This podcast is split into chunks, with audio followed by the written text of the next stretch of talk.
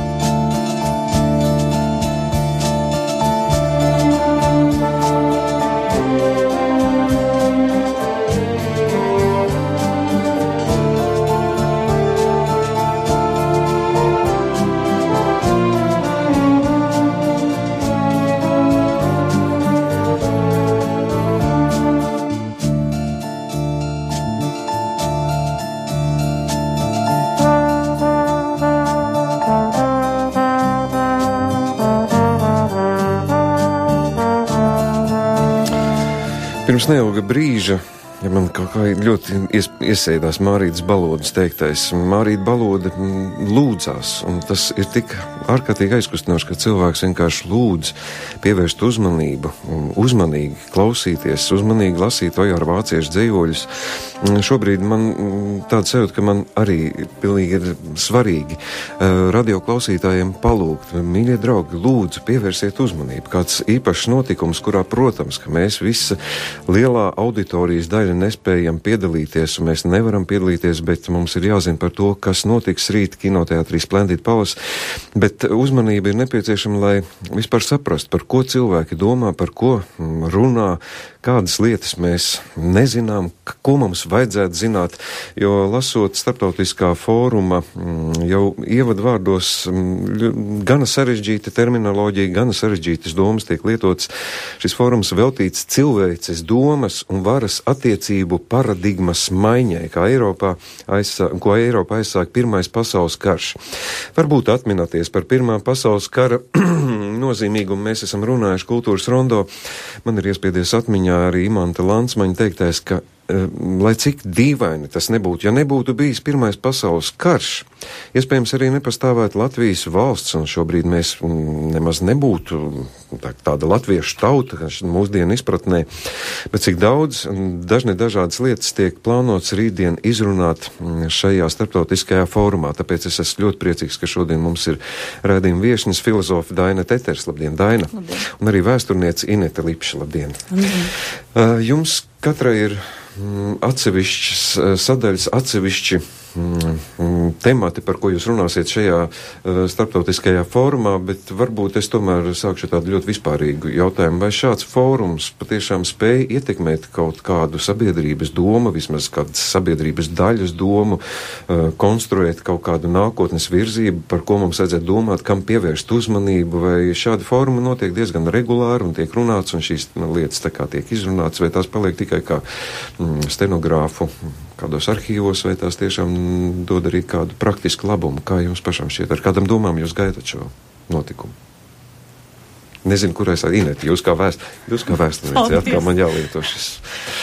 Man, man grūti pateikt, vai ietekmēs vai nē, bet e, tas ir Patiesībā tas ir atkarīgs no katra no mums, kuri varbūt tur piedalīsies, un vairāk no tiem, kuri klausīsies, un vairāk tieši no mēdījiem, no rādio, no televīzijas, no žurnālistiem, no konkrētiem cilvēkiem, kuri varbūt kaut kādā veidā to ziņu tālāk nesīs, piemēram, nu, domājot par, domājot, teiksim, par, par to, kā mēs atceramies savu pagātni, E, kādas, e, kādu, teiksim, sociālo pildījumu, kādu politisko pildījumu mēs ieliekam e, tā, tā saucamos atmiņas konteineros, par kuriem mēs varam uzskatīt, teiksim, ja mēs runājam par Rīgu, par pilsētu Rīgu, tad konkrētas celtnes, konkrēti sēku kompleksus, un, un, un, un, un tā mēs Daina runās par brīvības ielu, es vairāk runāšu par centrālu tirgu, kā, nu, teiksim, pirmā, vien, pirmā pasaules karas, viens no Pirmā pasaules kara simboliem, tā saukto otro dzīvi 20. gadsimtā, kā mēs, kā mēs to piedzīvojam šodien.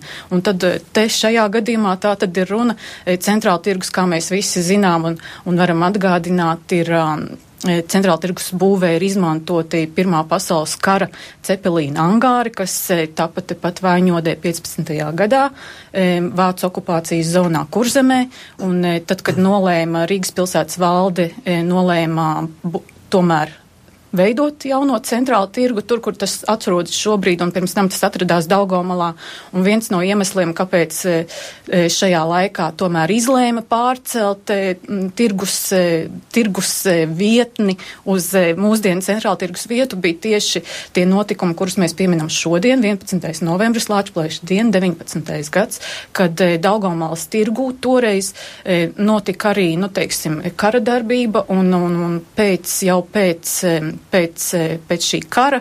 Tātad eh, viens no argumentiem, kas gan nebija galvenais, bet viens no argumentiem bija, ka mēs šajā te Daugavmalas zonā, kur atrodas tirgus, šī tomēr ir tā teikt sena nāves vieta, respektīvi šeit ir uh, cīnījušies un asins lējuši cilvēki 19. gadā saistībā ar, Bermu, ar Bermonta, cīņām pret Bermontu, un vai būtu ētiski, ka šajā vietā joprojām mums te, nu tā teikt, šo te piemiņu aptraipa tirgus putekļi, tā metaforās runājot. Un tas bija viens no iemesliem, kāpēc, kāpēc atcerējās par šiem te cepelīnu angāriem un, un, un, un kāpēc cepelīnu angāri tad e, tika jau vesti uz citu vietu e, Rīgas sociālajā telpā.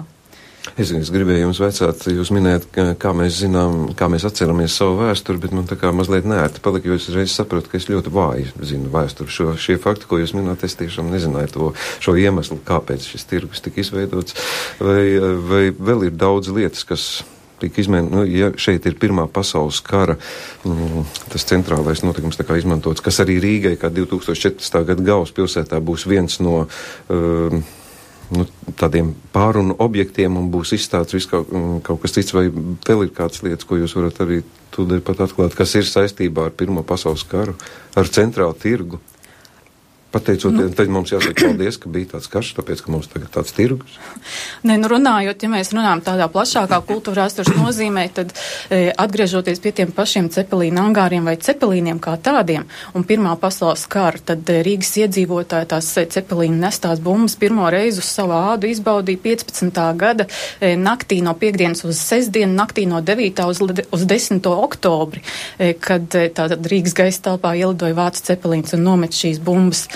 Un, eh, bet um, arī pats cepelīns, cepelīna rašanās, eh, nu, tā, tā radītājs, teiksim, to, kas, kas šajā arī 15. gadā te karadarbībā piedalījās, tā tad ir um, grāfs Ferdinands von Cepelīns, un, un, un šī Cepelīnu izgudrošana saistībā ar viņu ir arī ar saistām ar Latvijas vācu baltu vēsturi, jo grāfa Cepelīna sieva bija e, vecgulbenes mūžas īpašnieka Henrika von Wolfa māsa Izabela, un e, šis Cepelīnu izgudrotājs tātad aprecēja vecgulbenes mūžas šo te e, baronesi 1869. gadā, Un, e, vārdu sakot, e, šie te ienākumi, ko nesa vecgulbens mūža, e, lielā mērā tika izmantoti arī pirmā cepelīna finansēšanā, šī te projekta finansēšanā. Pirmais cepelīns, ko Grāsfon cepelīns kā saka, palaida gaisā.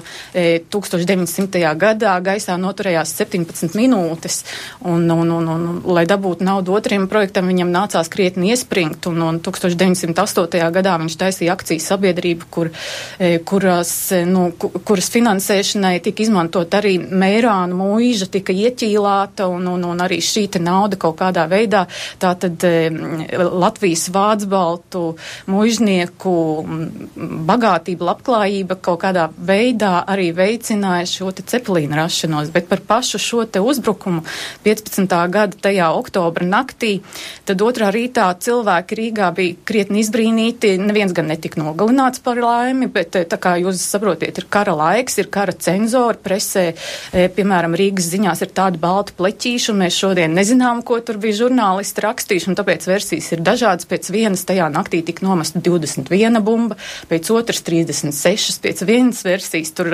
uzbrukumā, uzbrukumā bija gājis viens cepelīns, pēc otras versijas divi cepelīni, nu, un tas iznākums bija tāds, ka otrā rītā pie šīm te bumbu bedrēm bija milzīgi ļaužu pūļi, un viņi tur kasīja laukā šīs te paliekas un pārdeva tā kā tādus suvenīrus pa diviem rubļiem gabalā, neveicājot, es nezinu, te, ko par diviem rubļiem toreiz varēja nopirkt, bet, eh, bet šī te interese bija arī nu, tāda, teiksim, tīri sadzīviska, un, un, un tie saimnieciskie zaudējumi, kas varēja būt, bija aprēķināts, ka logi esot, izkri, esot Rīgā izkrituši apmēram 15 tūkstoši logu, respektīvi ielas un pagalmi bija logu lauskās no šī te cepelīna uzbrukuma. Bet interesanti, uz brīvības ielas arī krita kāda bumba. E... Jums nav informācijas.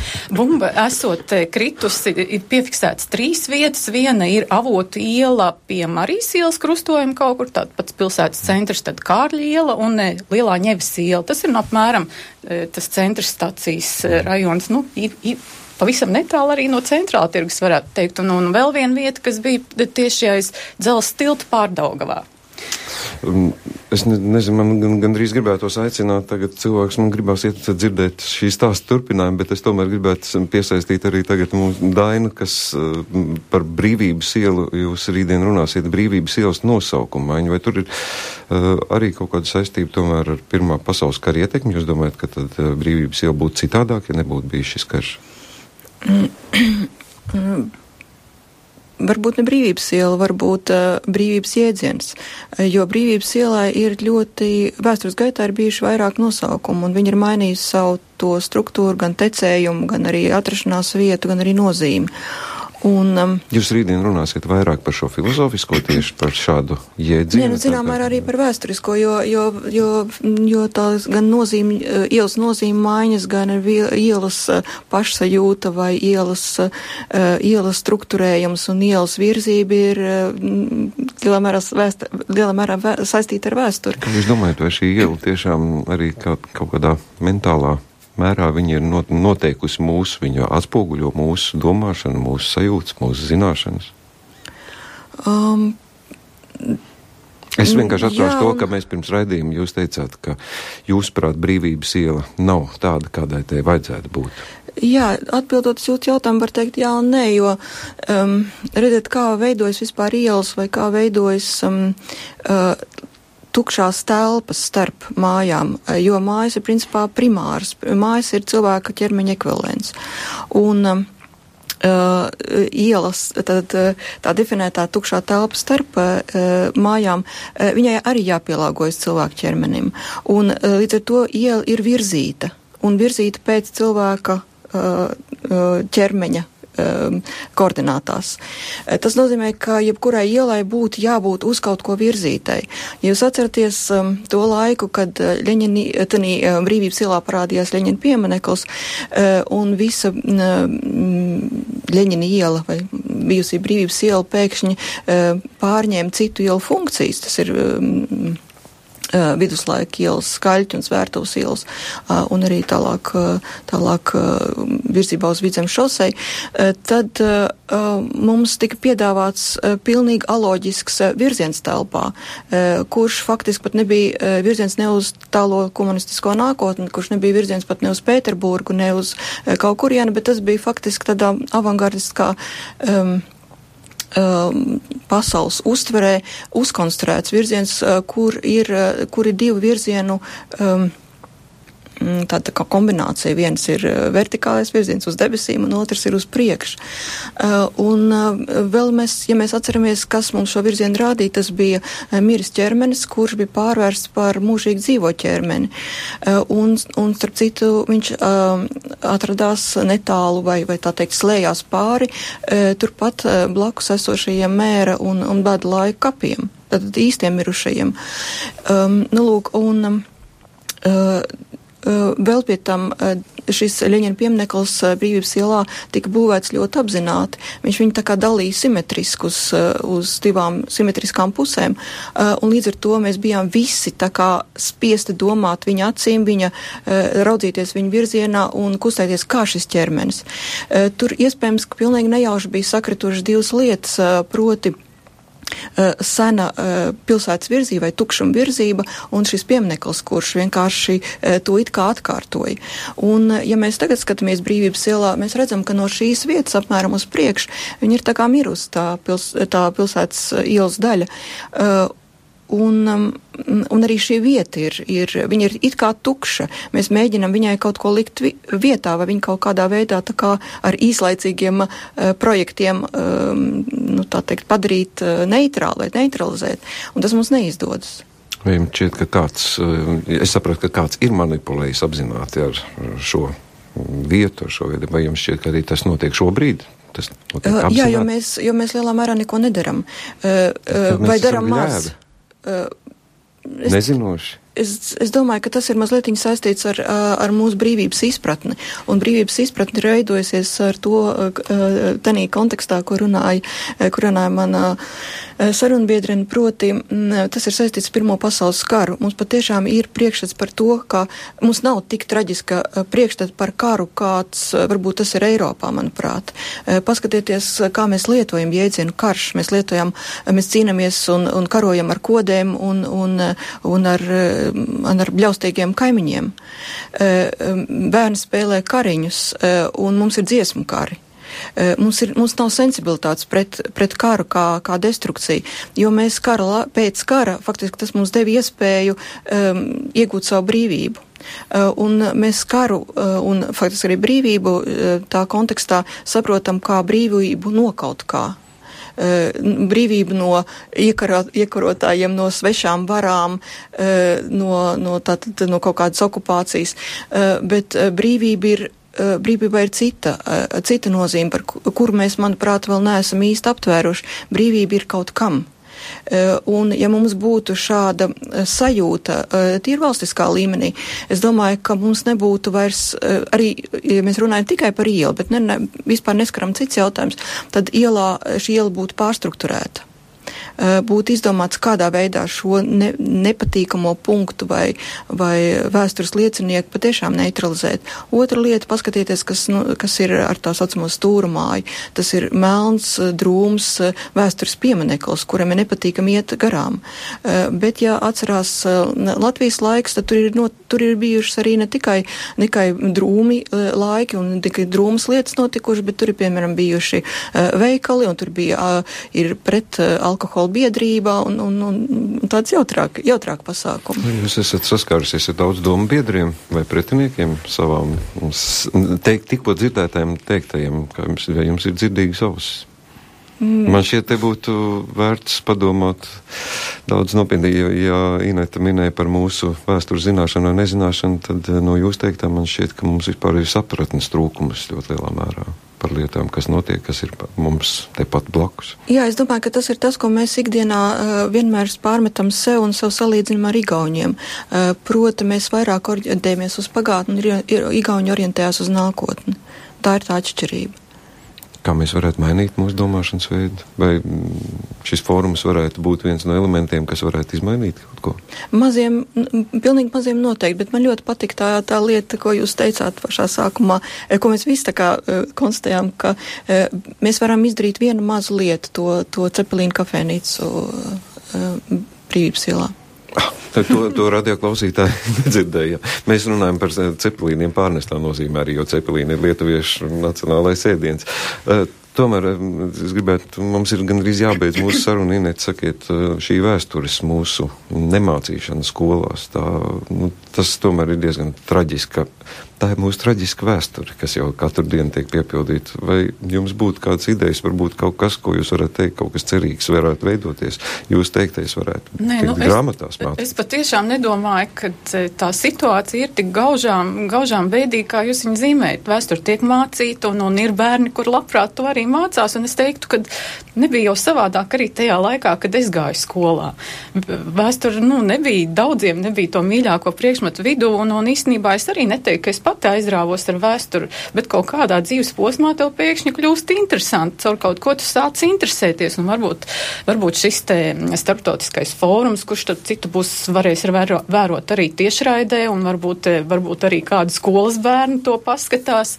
E, Kur varbūt arī tas vērot? kaut ko. Jums ir informācijas, nevar atrast uzreiz. Es no galvas neatceros, bet bija rakstīts, ka varēs vērot tiešraidē. Jā, un, un, un, un es domāju, ka e, arī, arī šobrīd taču, cik zināms, e, rakstniekiem ir projekts, viņi raksta vēstures romānus par 20. gadsimtu un, un, un, un arī citiem gadsimtiem. Un, un es domāju, ka, ja vien ir vēlēšanās, tad galu galā Aleksandra Grīna dvēseļu putenis joprojām ir paņemams grāmatu plauktā un, un, un, un vajag tikai gribēt un vajag tikai mazu impulsu un, un šis te fórums varētu būt viens no impulsiem. Kāpēc nē? Es pieņemu jūsu kritiku. Es pievienojos raudātāju pūlim, kas mums ir tik tagad.